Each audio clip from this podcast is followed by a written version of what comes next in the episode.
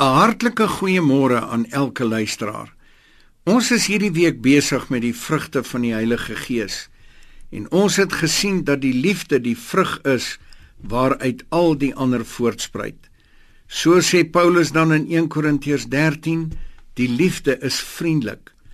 Ons kry vriendelikheid ook in die lys van die vrugte van die Heilige Gees in Galasiërs 5. Daar is niks erger as 'n onvriendelike Christen nie. Dit is baie belangrik om daarop te let dat hierdie vrugte van die Heilige Gees nie in isolasie met mekaar funksioneer nie.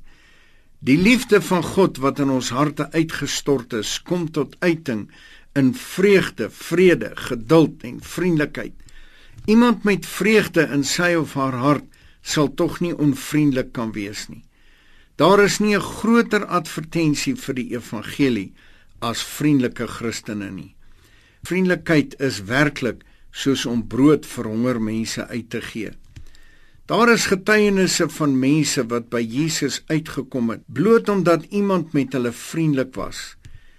Die liefde wen altyd en een van sy heel kragtigste manifestasies is vriendelikheid. Mense hou van vriendelike mense.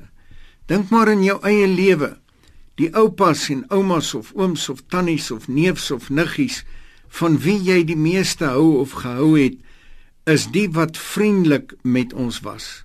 Jesus is in daardie vriendelikheid en dit trek mense na hom toe.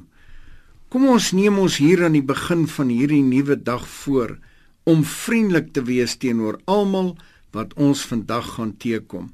Selfs teenoor oom Knorrig en tannie Asyn. Wees vriendelik met die petroljoggie en kyk hoe vriendelikheid vriendelikheid wek.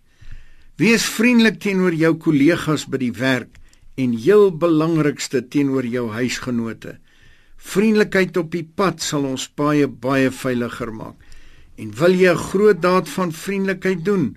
Leer hoe om anderstaliges in hulle eie taal te groet. Jy sal verbaas wees oor hoe vriendelik dit ervaar word. Kom ons bid saam.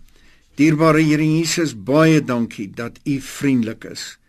Laat ons vandag ietsie van hierdie vriendelikheid van U uitstraal aan die wêreld om ons.